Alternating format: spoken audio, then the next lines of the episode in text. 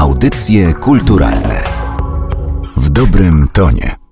Pięć najlepszych, najważniejszych polskich albumów muzycznych 2017 roku według Bartka Hacińskiego. Dość trudno jest wybrać przede wszystkim pięć najlepszych polskich płyt i to jest y, problem od kilku sezonów, mam wrażenie, chyba większy niż z płytami zagranicznymi, bo na polskim rynku się dzieje bardzo dużo i to są bardzo ciekawe rzeczy. Ja dostaję głosy od słuchaczy z zagranicy, którzy po prostu patrzą na nas i zachwycają się tym, co się u nas dzieje. Ale skoro trzeba wybrać, to będzie po prostu pięć z takim małym załącznikiem w takim razie. Po pierwsze, jazz band Młynarski Masecki i płyta Noc w Wielkim Mieście, dlatego, że to jest taki projekt wyjątkowy, który taką naszą narastającą fascynację muzyką międzywojnia wynosi na zupełnie inny poziom. Na taki poziom, na jakim się do tej pory zaryzykuje tej muzyki w ogóle nie wykonywało. Na pewno od tamtych czasów, a być może w ogóle, dlatego, że Marcin Masecki i Janek Młynarski mieli taki pomysł, żeby standardy polskie sprzed wojny wykonać w ten sposób, w jaki ta muzyka mogłaby się rozwinąć, gdyby tego rosnącego gatunku, tej gałęzi nie ucięła wojna. I to jest fascynujące na wiele sposobów. Po drugie, płyta duetu Zimpel-Ziołek, czyli Wacław Zimpel z jednej strony, klarnecista, którego dobrze znamy z różnych zespołów, projektów solowych i z formacji grających muzykę improwizowaną. Z drugiej strony Kuba Ziołek, który się kojarzy bardziej z muzyką psychodeliczną, rockową. Tutaj się spotkali. Dla mnie jest istotne to, że talenty się sumują. To znaczy i ta płyta zatytułowana po prostu Zimpel Ziołek jest e, jakąś wypadkową tych dwóch konwencji, tego stylu, który ma każdy z nich z osobna. Ja to mówię o tym, że to jest atmosfera tutejszości taka, e, żeby nie iść w słowiańskość, w jakąś e, słowiańską duszę, czy coś takiego, bo to byłby banał na pewno w odniesieniu do tego, co robi Kuba Ziołek, ale jest w tym jakiś element takiego uduchowienia zupełnie wyjątkowego. Dalej mamy płytę zespołu Electroacoustic Beat Sessions z Wrocławia. Taki duży kolektyw, y, właściwie jazzowy, ale trochę hip-hopowy jednocześnie, bo to są muzycy, którzy sobie doskonale radzą jako sidemeni w projektach przeróżnych i jazzowych, i właśnie takich R&B z pogranicza funku. Za tym wszystkim się kryje pomysł zagrania na nowo Krzysztofa Komedy, który oczywiście z pozoru nie jest żadnym pomysłem, bo komedę się grywa regularnie i wychodzi pewnie kilka płyt rocznie. Z tym, że tutaj Pędziwiatr i jego koledzy wybrali sobie utwory dużo mniej znane i można je wykonać zupełnie nieszablonowo. Powiedziałbym nawet, że z lekka bezczelnie, bo Pędziwiatr dopisał partie wokalne, dopisał słowa po angielsku, zarapował i nie wyszło to banalnie. Wyszła z tego zupełnie nowa jakoś taka bardzo naturalna płyta, świetna wykonawcza. Płyta się nazywa, bo to myślę, że istotne, Repetitions Letters to Krzysztof Komeda. Idziemy dalej. Dwie płyty, powiedzmy, że egzekwo, jeśli można. BNNT to jest duet y, Konrada Smoleńskiego i Daniela Szweda z udziałem gości. To jest taka konwencja muzyki jednostajnej, a zarazem hałaśliwej, a zarazem na pewien sposób medytacyjnej, a zarazem na pewien sposób punkowej i rebelianckiej. To jest płyta, która nosi tytuł Multiverse i jednocześnie ta sama wytwórnia prawie jednocześnie wydała płytę Tria Lotto, płytę zatytułowaną VV, chyba należałoby to czytać z Polska, po prostu dwie literki V. I to jest kolejny odcinek e, pracy takiego zespołu combo polskiego, które powstało na pograniczu kilku różnych ważnych zespołów. Z udziałem Łukasza Rychlickiego z Kristen, z udziałem Pawła Szpury, grającego na perkusji i do tego jeszcze Majka Majkowskiego, kontrabasisty. Również muzyka taka dość medytacyjna, w sensie takim, że taka muzyka głębokiego zanurzenia, w której trzeba usłyszeć powolne zmienianie się motywów, powolną taką pracę zespołową raczej niż popisy indywidualne nad pewną taką strukturą muzyczną. Nie bez kozery połączyłem to na powiedzmy jednej pozycji z BNNT, bo to są takie dwa elementy fali polskiej, którą naprawdę można się pochwalić na świecie i która jest wyjątkowa w swoim rodzaju. I jeszcze jedna rzecz na koniec, Right of the End Stefana Wesołowskiego, płyta pokazująca kolejny etap ewolucji muzycznej naszego skrzypka, który właściwie stał się kompozytorem muzyki elektronicznej. To są skrzypce preparowane, a raczej przetwarzane elektronicznie, nakładane w postaci kolejnych warstw, zapętlane, tworzące taką muzykę niesłychanie plastyczną, bardzo ilustracyjną, taką ewokującą takie wrażenie postapokaliptycznej przestrzeni. Zresztą dopisane utwory do kolekcji zdjęć, zdaje się, które takie obrazy zniszczenia właśnie pokazują.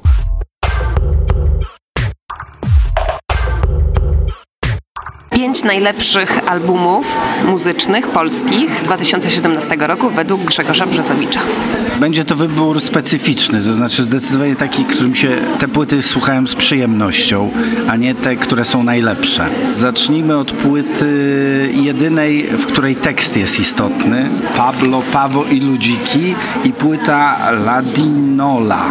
Nie mam zielonego pojęcia o czym jest ten tytuł, ale płyta mi się bardzo podoba, głównie ze względu na tekst.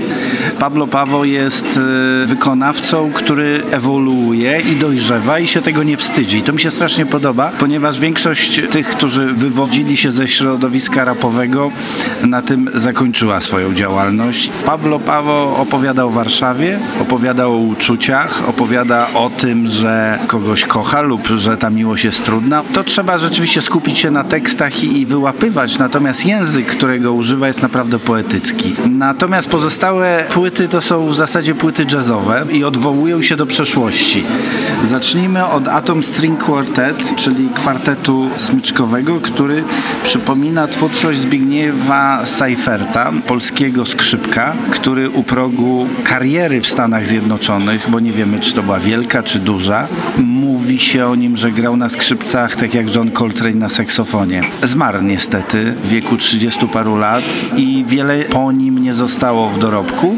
I Atom String Quartet postanowił wybrać te utwory, które im najbardziej pasują i e, przearanżować tak, e, jak to zabrzmi na kwartet smyczkowy i płyta jest naprawdę rewelacyjna, dlatego, że Seifert nagrywał w latach 70., kiedy popularna była muzyka jazz rockowa, ona miała troszkę takiej aranżacje, które się zestarzały, ale pozostały kompozycje i polski kwartet smyczkowy zrobił to po prostu rewelacyjnie. Kolejna płyta, zespół EABS z Wrocławia, który postanowił zrobić może rzecz e, niezbyt oryginalną, ale zrobił to w sposób wspaniały, czyli przerobił muzykę Krzysztofa Kobedy. Ja naprawdę nie cierpię tych wszystkich albumów.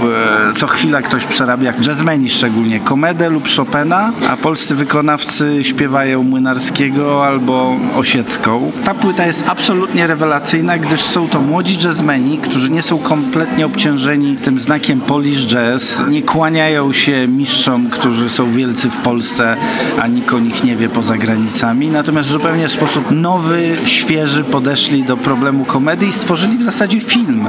Dlatego, że tam są cytaty, wypowiedzi z różnych filmów. Jest to muzyka ilustracyjna, lekka, właśnie jak mówię, nieobciążona, młodzieńcza i to są tacy nowi, niewinni czarodzieje. I myślę, że mogliby zagrać w filmie Wajdy, gdyby on powstawał teraz. Kolejna płyta to jest e, płyta Steve'a Nasha i Turntable Orchestra Out of Fate i to jest coś, co mnie absolutnie zauroczyło w tym roku. Steve Nash, młody człowiek, który skończył konserwatorium w klasie fortepianu, a jednocześnie jeden z najlepszych polskich DJ-ów, wpadł na pomysł, e, jak połączyć e, orkiestrę symfoniczną, coś co zna z uczelni, z grą aż dziewięciu DJ-ów to jest dziewięć różnych solowych instrumentów. Każdy dźwięk jest rozpisany na partyturę. Taka moda już od 20 czy 30 lat jest, że jak już twórcy rockowi nie mają niczego do powiedzenia, to nagrywają swoje przeboje z orkiestrą i to jest koszmar. Natomiast tu jest wręcz odwrotnie. Jest to coś absolutnie nowatorskiego. DJ-e się e, wpasowali w orkiestrę i nie ma żadnego dysonansu, że orkiestra sobie, a oni sobie. No i na koniec moja ulubiona płyta, która też jest powrotem do dalekiej przeszłości, albo nawet najdalszej, czyli jazz band Młynarski Masecki Noc w Wielkim Mieście i absolutnie ta płyta mnie rozwaliła. Można powiedzieć, że to jest kolejna płyta retro, bo to jest powrót do lat 30., do kabaretów, wodewili, sal dancingowych polskiego okresu międzywojennego. Tu jest napisane jazz band, bardziej jest to orkiestra taneczna, ponieważ oni grają foxtroty, których autorami w większości są Polacy żydowskiego pochodzenia. Młynarski, który jest wybitnym perkusistą, tym razem śpiewa. Masecki zaaranżował całą tą orkiestrę w sposób absolutnie genialny, tak jakby to było nagrywane w latach 30. Brzmi jakoś tak inaczej, a to wszystko jest stereofonicznie nagrane i pojawia się w tym wszystkim jazz, bo wtedy, mimo że to były orkiestry, w których składzie były trąbki, to było czyste orkiestrowanie orkiestry jazzowej, ja nie wiem, czy oni nawet wszyscy wiedzieli, co to jest ten jazz amerykański za oceanu. Cały czas jest to stylizacja na tamtą epokę, czyli to nie jest, że mamy temat, a potem jazzujemy, tak jak to na większości płyt obecnie wydawanych, tylko to się trzyma i brzmieniowo, i tamtych czasów. I do tego Masecki gra na fortepianie tak, jakby był akompaniatorem w kinie. Dla mnie to jest płyta roku.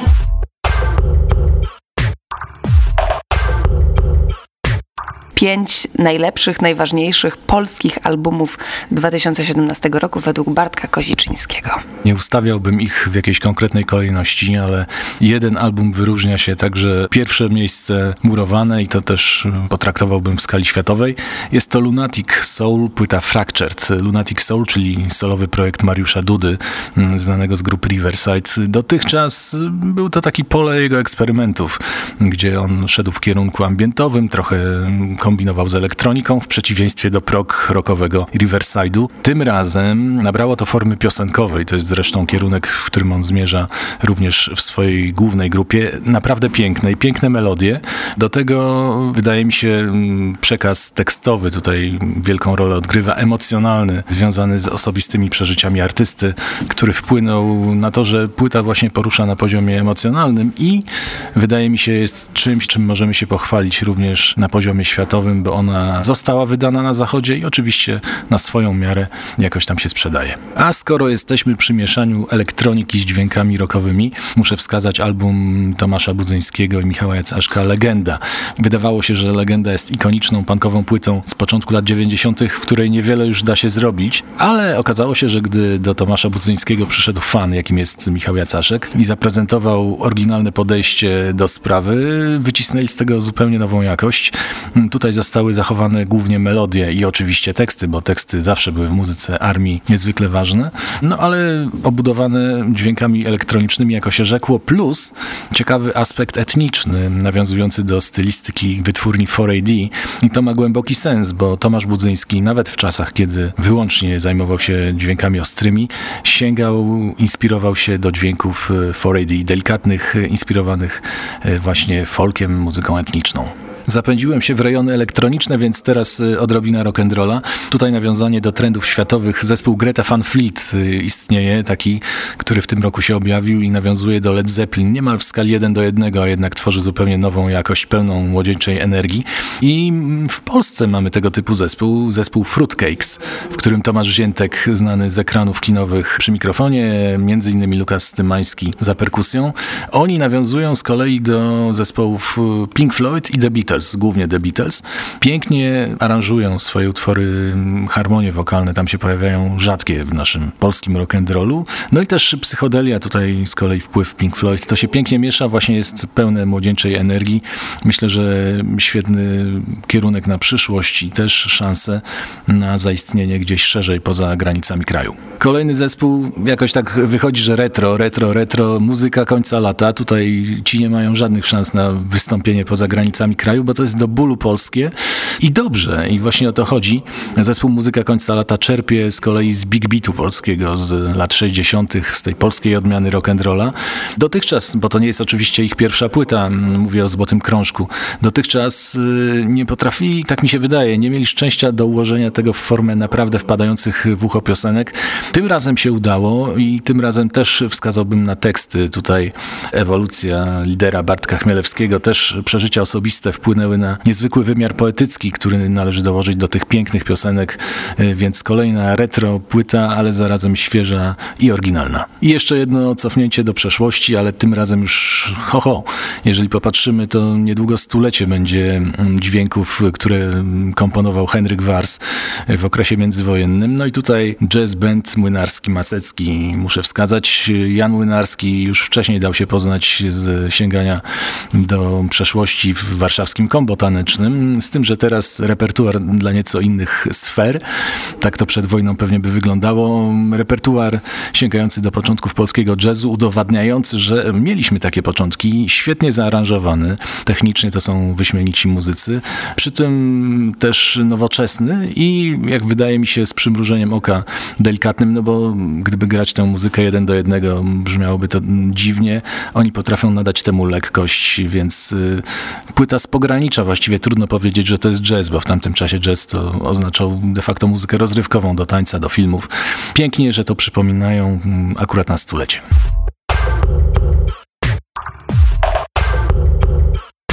Materiał zrealizowała Joanna Gzyra. Audycje kulturalne w dobrym tonie.